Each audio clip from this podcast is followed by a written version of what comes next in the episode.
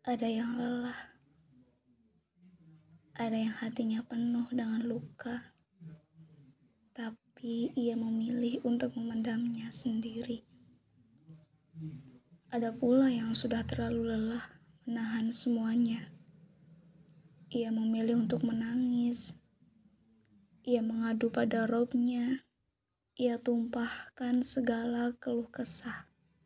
Lalu ia berdoa, Ya Allah, jadikanlah aku manusia yang sabar dan ikhlas atas segala ketentuanmu.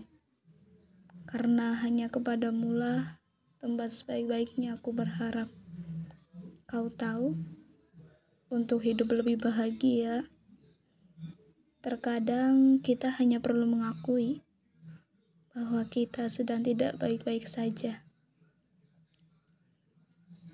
Kita hanya perlu menerima bahwa tidak semua yang kita inginkan bisa kita dapatkan. Ada kalanya kita harus belajar untuk ikhlas dan mengerti bahwa hidup memang tak selalu sejalan dengan apa yang kita mau. Kita perlu merasakan apa itu jatuh agar mengerti bagaimana caranya untuk bangkit. Jika harimu terasa lebih berat, tidak apa-apa. Menangislah. Lalu berdoalah.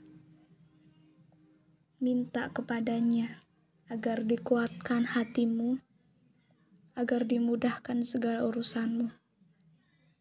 Jangan menahan air mata sendiri. Kita harus percaya bahwa semua akan baik-baik saja.